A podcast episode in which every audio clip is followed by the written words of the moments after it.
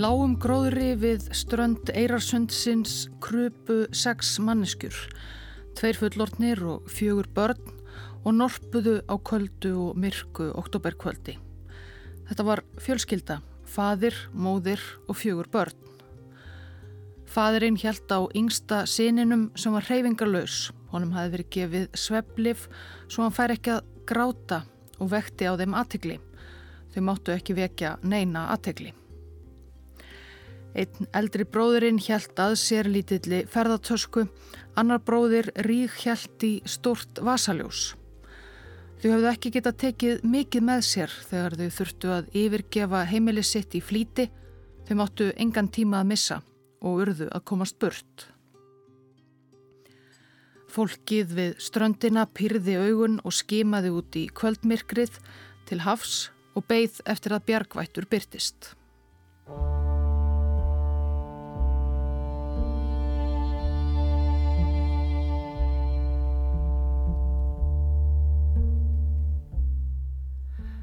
Ágæti hlustandi, þetta er annar þáttur um afdrif geðinga Danmerkur í setni heimstyrjöld. Í síðasta þætti herðum við af því þegar Þískaland nazista hernam Danmörku vorið 1940. Danir gáfust fljótt upp gegn þjóðverjum og fyrstu árin var Þíska hernámstjórnin líka mild.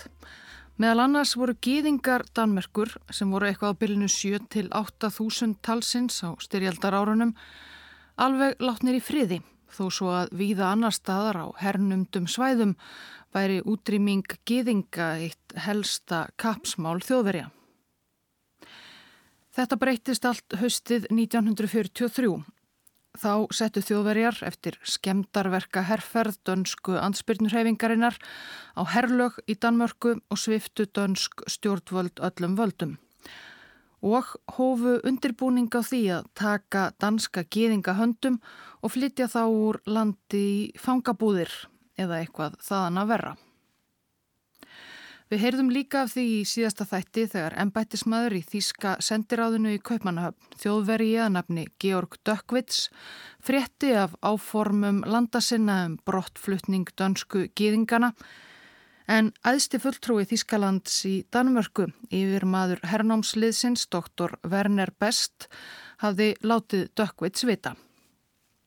Dökkvits reyndi í kjálfarið að koma í vekk fyrir að áformunum erði hrinda stað en þegar það tókst ekki greipan til þess ráðs að láta fram á menni dönsku samfélagi vita af því nákvæmlega hvenar stæði til að ráðast til allugu gegn gýðingunum.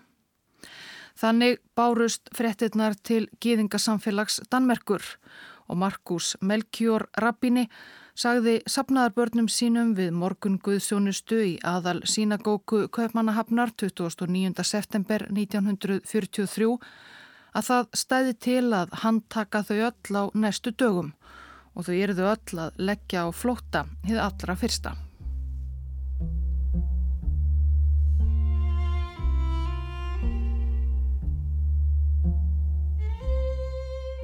Samkvæmt upplýsingunum frá Georg Dökkvits ætluðu þjóðverjar að slá til að kvöldi 1. oktober. Þá var helsta kvöld Ross Hasjana, nýjársháttíðar geðingdómsins og eflaust gerðu þjóðverjar ráð fyrir að þá erðu allir geðingar heima að halda upp á nýjárið með fjölskyldum sínum. En í stað þess að undirbúa stórháttíð fóru geðingar Danmerkur að búa sig undir að leggja á flótta úr landi. Að loknum morgumbænum hvati Markus Melkjór Rabbini sapnaði börn sín til að láta orðið berast. Fólk haskaði sér heim og ringdi í ættinga sína á vini. Frettin var fljótt að berast út um samfélag danskra gýðinga. Hvar áttu við eiginlega að fel okkur? Við kynntumst Leo Goldberger í síðasta þætti. Hann var 13 ára 1943 Fadir hans, Júgen Goldberger, var forsöngvari í sínagókunni í Kaupanahöfn. Fjölskyldan hafi tæpum áratug áður flúið stigvaksandi gýðingaofsóknir í Tjekkoslovakíu til Danmerkur.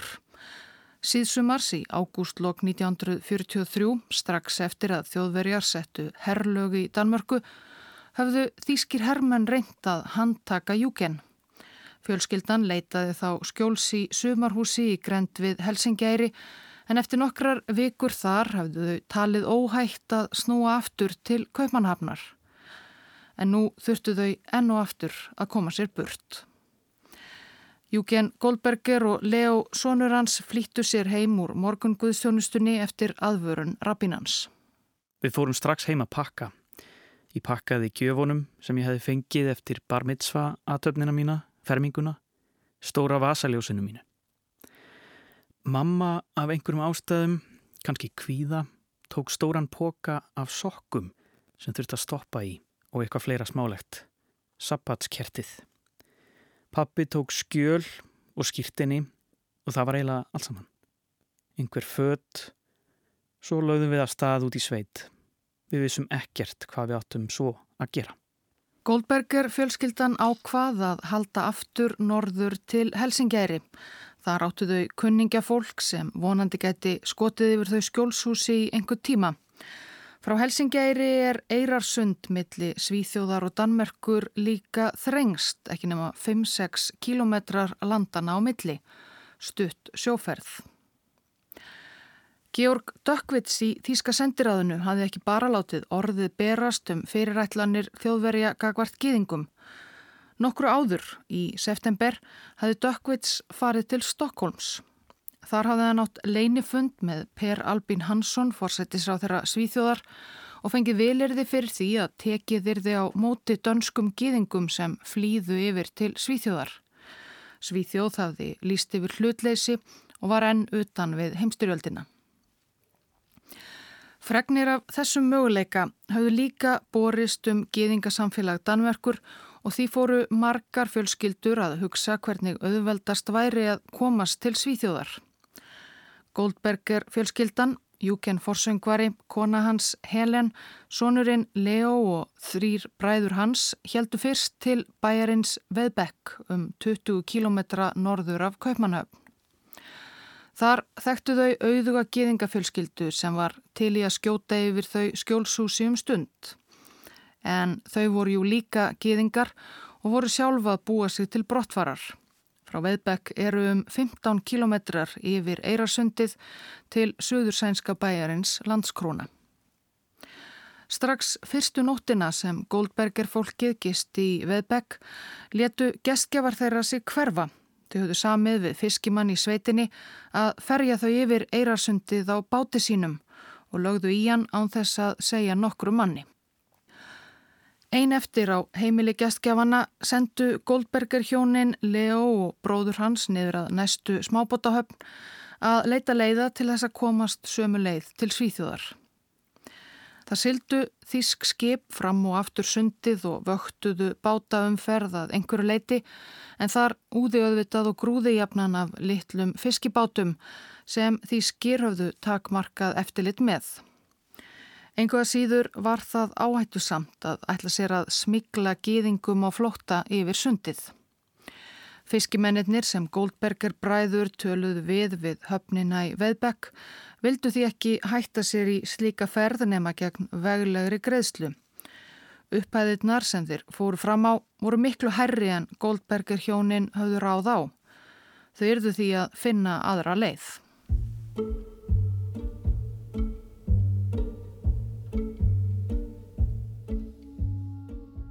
Ekki höfðu allir gýðingar kaupmannahafnar verið í sínagókunni og ekki heyrðu allir af fyrirætlunum þjóðverja strax. Snemma kom danska ansbyrnurheyfingin til sögunar og hjálpaði dönsku gýðingunum með skipulöðum hætti. Ungir menni í ansbyrnunni gengu hús úr húsi í kaupmannahafn, leituðu uppi gýðingafjölskyldur og vöruðu þau við. En hvert átti fólk svo að fara? Ekki byggu öll svo vel að eiga kunningja fólk í sveitinni við strönd Eirarsunds eða hafa aðgangað báti. En ímsir aðilar og ímsar stopnanir í dönsku þjóðlífi komu gýðingum landsins til aðstóðar. Eins og sagði í síðasta þætti voru flestir gýðingar Danmerkur vel aðlagaðir dönsku samfélagi og tiltölulega lítið varum gýðingafordóma. Kristnir Danir litu flestir á gýðingalandsinn sem fyrr segir fyrst og fremst sem samlanda sína og reyndust á þessari ögurstundu búnir og boðnir að koma þeim til hjálpar. Ungumennir sem gengu hús úr húsi í höfn bentu þeim gýðingum sem höfðu engan stað að flýja til á Ímis sjúkrahús borgarinnar. Þar komu læknar og hjúgrunafræðingar á skömmum tíma upp einskonar flóttastöðum fyrir gýðinga. Flóttamennir voru duppaður upp sem sjúklingar og hver fekk dönskulegt gerfinapn og sjúkdómsgreiningu sem hljómaði sennilega, oft einhverja andlega kvilla. Talið er að um 2000 geðingar hafi fengið inni á sjúkrahúsum Kaupmannahafnar í lok september og byrjun oktober 1943 greindir með ímsa uppdiktaða sjúkdóma. Og eftir viðdvöl á sjúkrahúsunum var flóttafólkinu svo komið út í sveit og loks í báta til Svíþjóðar.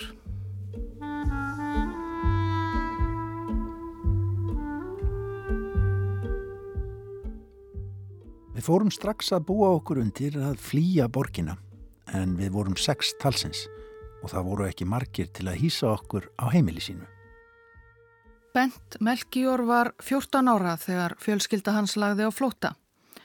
Fadur hans, Markus Melkjór, var rabbininn sem hafi tilkynnt söpnuði sínum að tilstæði að taka alla gýðinga Danmerkur höndum. Hann hafi tekið við sínagókunni mánuði áður þegar aðal rabbini Danmerkur, Max Frítiger, var handtekinn og fluttur í Þískar fangabúðir. Strax að lokinni Guðsjónustunni bjó Melkjör fjölskyldan sig til brottfarar. En rabbinin hafði áhyggjur af sínagókunni sinni og dýrgripum hennar, hvað yrði um tóra rótlutnar og bænabækurnar og sylfur kertastekana réðust nazistar til allugum. Hann hafði samband við vinsinn og kollega, prest í dönsku þjóðkirkjunni, sem lofaði að koma helgigripunum í örugt skjól. Það var kært samband millir Kristinar kirkju og geðingasamfélagsins. Annar Kristinn Klerkur kom svo rabbínanum og fjölskyldu hans til frekari aðstóðar. Að lokum komumst við í Þorp, þar sem fadir minn þekkti lítilega til prestsins í plásinu. Presturinn stakk upp á að við yrðum hjá honum til stríðsloka. Okkur dreymdi samt ennum að þetta væri allt saman bara vittleisa og við gætum fljótt farið heim aftur.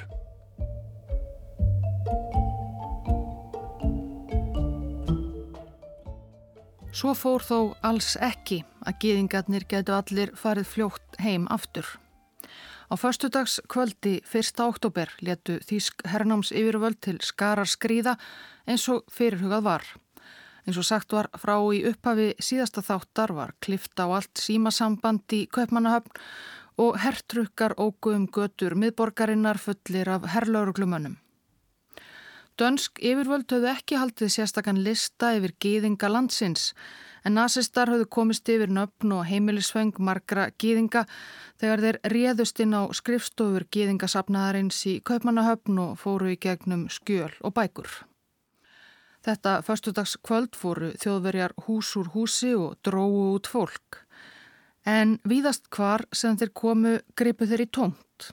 Í stað þess að koma óvænt að fjölskyldunum við kvöldverðarborðið í nýjársháttíðarhöldum voru lang flest heimili mannlaus, allir á bak og burt, komin út í sveitir Danmerkur eða á felum á sjúkrahúsum. Þó hafði ekki tekist að koma öllum gýðingum borgarinnar í örugt skjól. Einhverjir töyir manna, kvenna og barna voru teknir höndum af þýskum hermönum þetta kvöld 1. oktober 1943.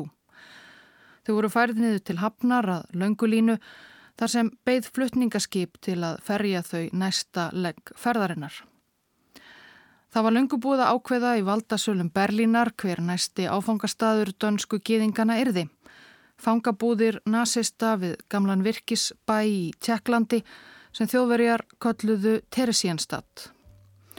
Það var næsti áfangastadur þeirra, já, og mögulega sá síðasti.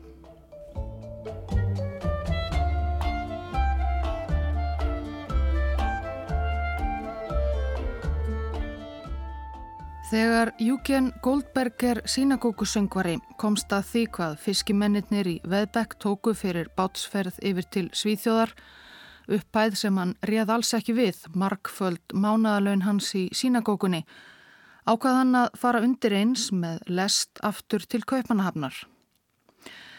Það var áhættu samt. Það var verið að leita að honum þar og fjölskyldu hans, en í höfuborginni gæti hann mögulega komist yfir peninga til að borga svíþjóðarferðina. Það hefur að öllum líkendum verið mjög þungt yfir júgen því lestinni til köpen gaf sig kona á talviðan og spurði hvort hún gæti eitthvað hjálpað honum. Konan reyndist tilheyra fríðarhreyfingu kvenna og þegar Júgen Goldberger sagði henni sólar söguna bauðst konan til að sjá um allt saman að hann og fjölskylda hans kæmust óhull til svíþjóðar. Júgen hitti konuna aftur á aðalbröytarstöðinni í Kaupmannahöfn síðar sama dag.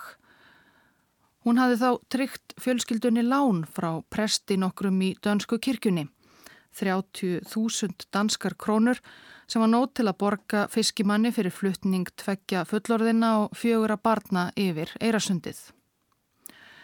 Og hún let Júgen Goldberger fá heimilisfang fyrir næsta legg leðarinnar í bænum Dragur á Amager rétt suður af Kastrupflugvelli.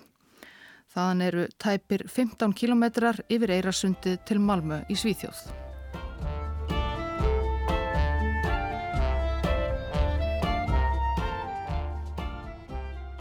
Í dragur bjó meðal annars Ellen Vilhelmína Nílsen. Hún var á 60-saldri, sex barna móðir sem hafði unnið fyrir sér og sínum sem fisksali og fiskmarkaðnum við Gammelstrand í Kaupmannahöfn síðan einmaður hennar dó 1941.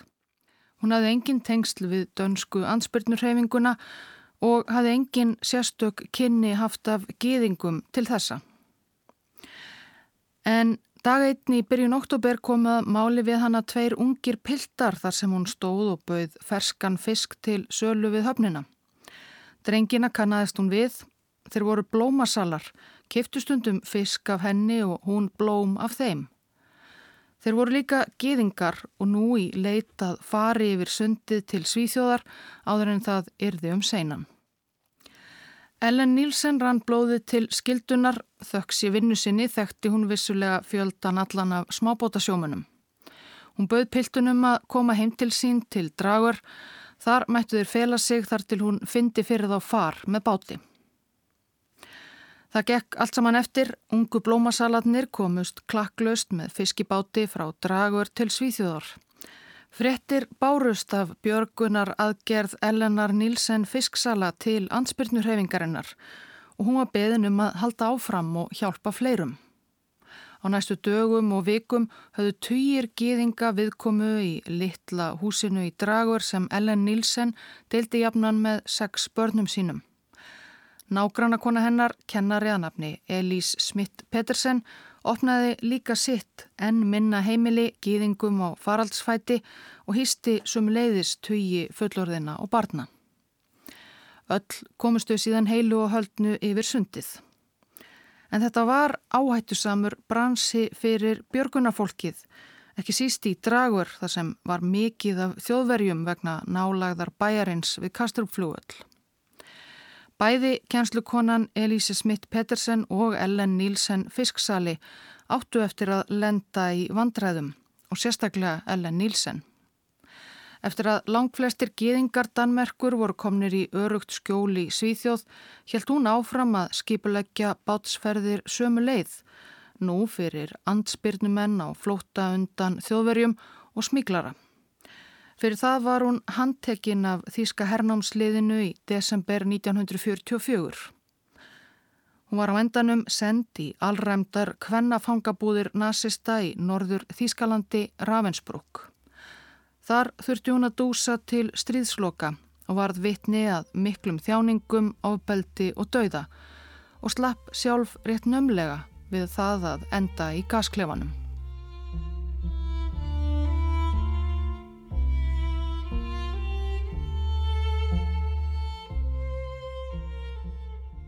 Næstu nótt stóð við í napp í kjarri við ströndina fyrir utan dragur. Það var nýstingskalt. Yngsti bróðu minn, sem var ekki orðin þryggjára, hafði fengið sveppilu svo hann hefði yngan háaða. Móðu mín ríg hjælt í pókan með sokkonum sem hún átti eftir að stoppa í. Eftir stutt stopp í dragur hjælt Goldberger fjölskyldan áfram á flótta sínum. Þau voru komin með far yfir til Svíþjóðar og byðu í kulda og myrkri í flæðarmálinu eftir merki frá skipstjóra. Við byðum í ofvæni eftir ljósmerki. Ég gati ekki annað en hugsað út í það. Hvers vegna þetta var allt að gerast? Hvað höfðum við gert til þess að eiga það skilið að þurfa að leggja á flótta eins og glæpamenn? Hvernig myndi þetta allt saman enda? Lóksins sáum við ljósið blikka. Við gáttum lagt af stað. Við óðum beint út í sjó, ösluðum um 30 metra í ísköldu vatninu sem náði mér upp á brjóstkassa. Faði minn hjælt á tveimur yngstu bræðurum mínum. Mamma hjælt á sokkapokanum. Ég hjælt dauðahaldi í vasiljósi mitt. Bróði minn reynda að dröslast með ferðartöskur en slefti þeim á endanum út í vatnið. Við vorum dreyin upp í bátinn og kvíslað að okkur að fel okkur í lestinni og breyða yfir okkur illaliktandi stregapoka. Leo gerði svo mistök þegar hann var komin upp í bátinn að kveikja á vasaljósinu, vildi sjá í kringum sig og hvert hann væri komin. Skipstjórin sló vasaljósið umsvegalöst úr höndunum á honum, það mætti ekkert sjást til þeirra. Vasaljósið skall á þilfarinu og brotnaði. Ef þjóðverjar myndu aðtuga bátinn, áttu þeir að halda að við værum hrúa af fiski. Það voru þegar um 20 aðrir gýðingar í bátnum. Þegar við stýmuðum út til hafs þuldi fadur minn sálma lágum rómi. Die Augen reut, die Lippen bläu, kein Tropfen Blut im Backni stov, der Stern blass bedeckt mit Schweiß, der Rotem abgehakt und heiß. Dölbúningurinn gerði sitt. Þýst eftirlitskip stöðvaði fiskibátinn sem Goldberger, fjölskyldan og fleiri flottamenn voru um borði eitthvað um miðjavegum millir Danmerkur og Svíþjóðar. Nokkrir þjóðverjar komu um borð en leituðu ekki undir stryga pókunum ítla líktandi í lestinni þar sem flottafólkið faldi sig. Siglingin yfir Eirasundið tekið nokkra klökustundir. Margir þeir dönsku gýðingar sem síðar lístu sjóferðsinni til Svíþjóðar myndust sérstaklega á ljósinn. Þegar ljósinn í sænskum borgum og bæjum urðu þeim sínileg við sjóndildarringin. Það var óvennileg sjón því í Danmörku hafi allt verið myrkvaðað næturlægi árum saman, allt frá hernámi. Lóni Hertz til dæmis sem var fjögur ára þegar hún sildi með fjölskyldu sinni til Svíþjóðar 43 og var síðar kunnleikona í Danmörku, sagði í útvarsviðtali löngu síðar að ljósa dýrðin í Helsingjaborg hafi helst myndana á tífolíð í Köpmanöfn. Leo Goldberger varð líka upp numinn yfir sænskri ljósa dýrð þegar hún loks byrtist eftir langa siglingu í myrkrinu. Eftir nokkura klukkustunda siglingu byrtist okkur Björn Ljósinn í Svíþjóð indislega friðsæla svíþjóð. Örugt skjól, því munum við aldrei glema. Goldberger fjölskyldan var komin í öruga höfn.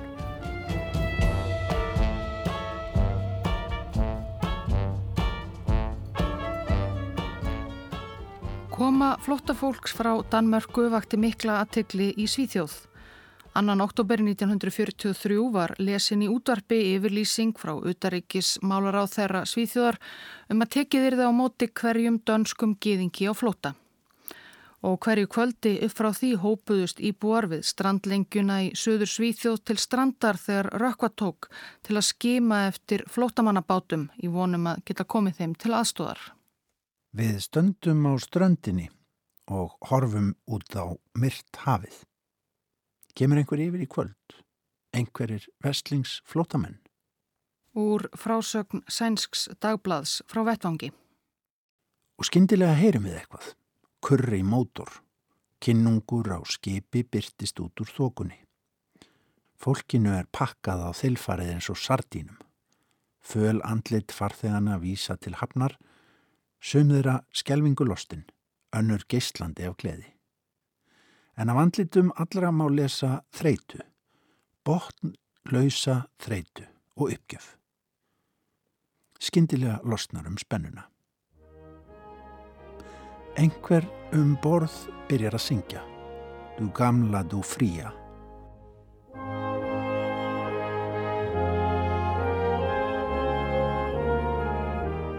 Og öll syngja með. Þau kunna bara orð hér og orð þar í tekstanum en taka samt undir í kröftu um kór. Það er næstum yfirþyrmandi. Hingað eru þau komin, hafandi verið hundelt hús úr húsi, rekin úr vinnu og stundum reyfin frá ættingum sínum og hingað eru þau komin syngjandi, eins og þau værið að nálgast hlið himnaríkis. Báturinn leggur að kæjanum, sænskur officer hrópar velkomin. Flóttafólkið flýtir sér frá borði með bögla sína. Mörg reynað berjast við tárin. Einn krýpur og kissir sænska grund.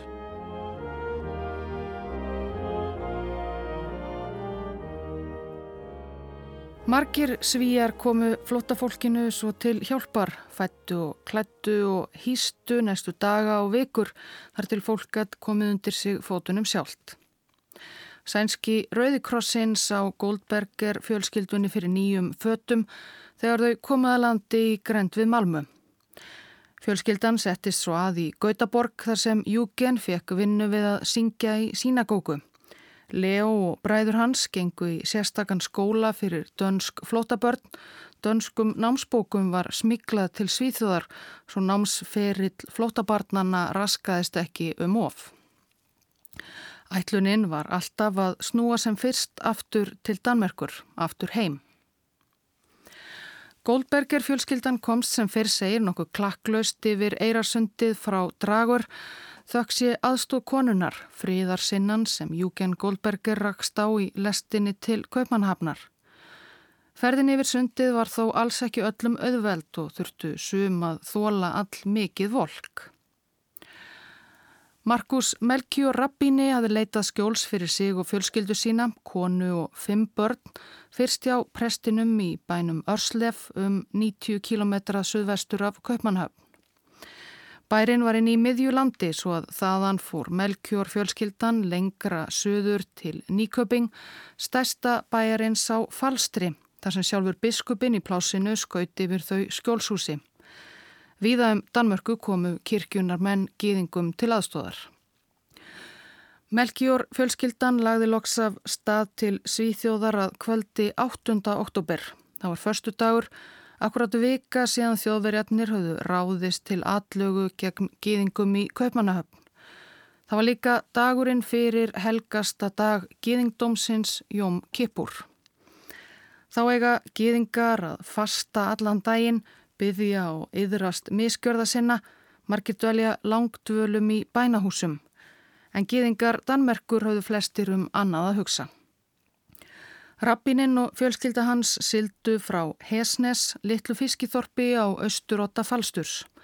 Þau voru 19 talsins í smábáti sem eflaust var hugsaður fyrir fjóra til fimm í mestalagi.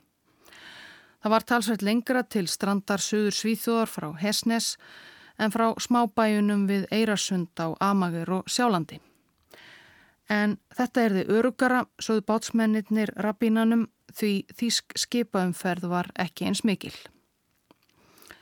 En þegar byrti af degi friðþægingarinnar Jóm Kippur hafi bátur melkjórfjölskyldunar verið á siklingu í 11 klukkustundir og farið íllilega af leið. Í stað þess að stefna norðaustur til Svíþjóðar höfðu þau silt svo að segja beint í söður með fram ströndu falsturs og voru lendt úti fyrir bænum Getser. Þaðan gengur ferjur yfir til Rostock í Þískalandi og því var jafnan krökt af þjóðverjum í bænum. Í ljós komað skipperinn sem hafi tekið við mörg þúsund danskara króna þóknun frá rabbínanum og öðrum farþegum hafi aldrei silt svona báti áður ef þá einhvers konar flegi. Sem betur fyrr kunni Markus Melki og Rabbini sjálfur örlítið fyrir sér í siglingum. Hann tók við stjórn bátsins og stemdi út á eistrasalt. Volkið hjælt lengi áfram, 19 klukkustundum síðar hafði Melki og Rabbina tekist að sigla bátnum langleðina til Svíþjóðar. Þá rétt utan við ströndu skáns var eldsneitið búið. En til allrar hamingju sáu sænskir fiskimenn bátinn, sildu til þeirra og ferjuðu þau svo öll til lands. Ég gleymi því aldrei, þegar eftir þessar klukkustundir af óta og þjóningum, sænskur fiskimaður byrtist og bauð okkur velkominn.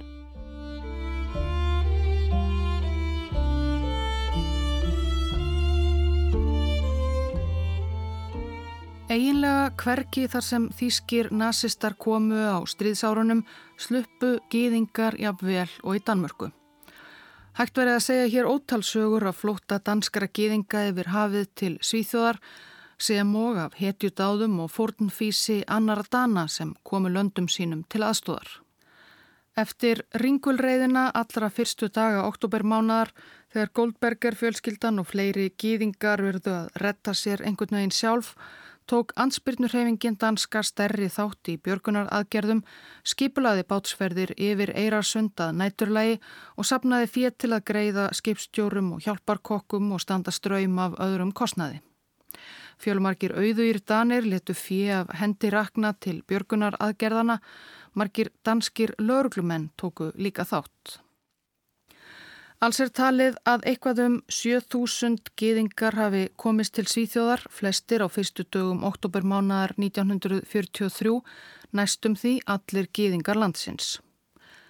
472 danskir geðingar voru handteknir á meðan hernámi þjóðverja í Danmörku stóð, flestir þeirra á endanum fluttir í fangabúðir nazista í Teresínstad. Þar letu 50 danskir geðingar lífið flestir þeirra aldraðir eða sjúkir. En öðrum var bjargað úr búðunum með hjálp sænska Rauðakrossins í stríðsloki april 1945.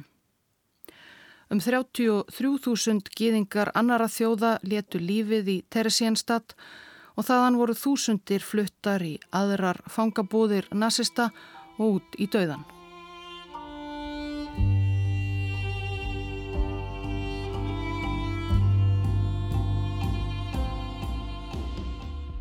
Ungu hjónin Fanny og Rafael Bótín sildu yfir Eirarsund til Svíþjóðar í rigningu og kulda í oktoberbyrjun með 15 mánada dóttur sína Liz. Á flóta rétt eins og svo margar aðrar danskar giðingafölskyldur. En eitt var óvinnulegt. Rafael Bótín hafði ekki frétt af fyrirhugðum handtökum í sínagókunni eða frá kunningafólki eða nágrunum. Heldur úr allt annari átt. Rafael Bótín var klæðskeri og vann hjá mági sínum klæðskera mestara við Ístæðgæði. Meðal viðskiptavina þeirra voru hátsettir menn í Þíska hernámsliðinu. Og dagnokkurni september 43, þegar Bótín var að taka mál af einum þjóðverjanum, laumaði sá síðarnemdi að honum viðvörun. Forðaði þér meðan þú getur, saði hann, þá að handtaka ykkur öll. Bótin hlíti fór strax að skipulegja flóttan og hann og kona hans og dóttir komust óhullt til Svíþjóðar. Þau snýru síðan aftur til Danmerkur eins og flestir dönsku geðingana gerðu í stríðslokk og Bótin stopnaði sína eigin klæðskeraverslun í miðborg Kaumanahafnar. Hann talaði aldrei mikið um flóttan og nefndi aldrei nafn þjóðverjans sem hafi varað hann við. Það var ekki fyrir löngu síðar sem ættingjar hans fóru í gegnum skjálasapn hans og komist að því hver nákvæmlega það var. Ekki aðeins hátsettur maður í hernámsliðinu heldur sá allra hæsti, Dr. Werner Best, æðsti fulltrúi Þískalands í Danmörku. Werner Best sem sjálfur hafði fyrirskipað handtöku og brottvísun dönsku gíðingana. Hann fór sem sé ekki beint lengt með áform sín Best hafi jú líka sagt Georg Dökkvits, ráðgjafa sínum hjá sendiráðu Þískalands í Kaupmannahöfn, nákvæmlega frá öllum fyrirætlunum sem var þess valdandi að Dökkvits gatt varað dönsku gýðingana við í tæka tíð. Markir sakfræðingar telja nú að Best hafi lekið upplýsingum um fyrirhugaðar handtökur út um allt til Georg Dökkvits, til klæðskera síns, kannski víðar, vísvitandi til þess að spilla fyrir eigin aðgerð.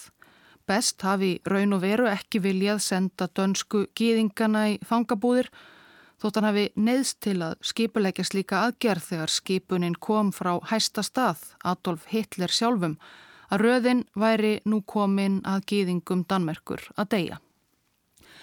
Best hafi verið mest í muna tryggja stöðuleika á yfiráðasvæði sínu Danmörku og sæmileg samskipti við dönsku þjóðina og áframhaldandi flæði danskra landbúnaðar afurða til Þýskalands. Brottflutningur gýðingana hafi ekki samræmst þeim markmiðum. Kan það að skýra einni hvers vegna Þýsk hernáms yfirvöld gengu ekki harðar fram við að hafa hendur í hári gýðinga og flótta frá Danmörku en raunin var – litu jáfnvel í einhverjum tilvikum undan þegar gýðingarnir flyktust í báta og yfir eirarsundið. Werner Best var tekinn höndum í stríðslokk og 1948 var hann dæmtur til dauða fyrir stríðsklæpi af domstóli Kaupmannahöfn. Eftir áfríun var dómi hans breytt í 12 ára fangelsi og 1951 var hann svo náðaður og vísaður landi til vestur Þískalands. Þar starfaði hann sem lögmaður þurfti aldrei að svara til frekari saka fyrir gjörðir sínar á stríðsárunum, hvorki í Danmörkun í annar staðar og hann barðist raunar lengi fyrir almennri sakar uppgjöf gamalla nazista. Hann lést 1989. Georg Dökkvits held áfram störfum sínum fyrir Þísku utaríkisjónustuna eftir stríðslokk. Hann var sendiherra vestur Þískalands í Danmörku á árunum 1955 til 1958 og síðar sendi herra á Indlandi.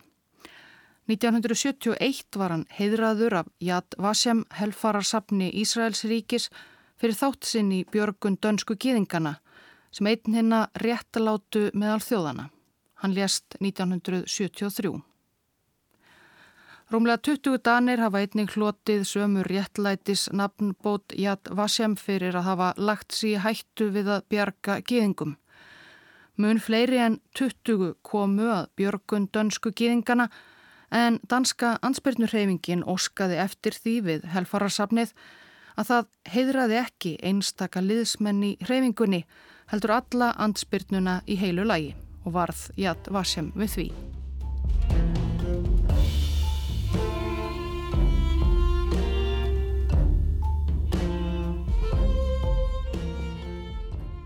Bent Melkjór, sonur Markusar Melkjórs rabbina, fetaði í fótspór föður síns og tók við á honum sem aðalrabbini í sínagókunni við Kristalgaði Kveipmannahöfn 1969. Hann hjælt þeirri stöðu til ársins 1996. Hann var um árabil áberandi í danskri umræðu sem upplugur málsvari flóttafólks í Danmörku og var útnemdur fyrsti heiðurs félagi flóttamannahjálpar Danmerkur 2008. Hann lést 2021, 90 og 20 ára að aldri. Sonarsonur hans, Jær Melkjór, er aðal rabbin í Danmerkur í dag. Goldberger fjölskyldan sneri líka aftur til Danmerkur um leið og það var und nokkrum vikum eftir stríðslokk sumarið 45. Þar beigð þeirra íbúðin þeirra sem kunningja konaði séðum á meðan þau voru í útlegðinni. Þau fluttu svo 1947 til Montreal í Kanada þar sem Júken Goldberger buðist vinna sem söngvari. Leo, sonur hans, lærði sálfræði og starfaði áratugum saman sem professor í sálfræði við háskólan í New York, jáfnframt því að skrifa um og miðla af reynslu sinni frá stríðsárunum. Danski presturinn sem lánaði Goldberger fjölskyldunni fyrir farinu yfir Eirarsund fór að hans sögn aldrei fram á endurgreðslu.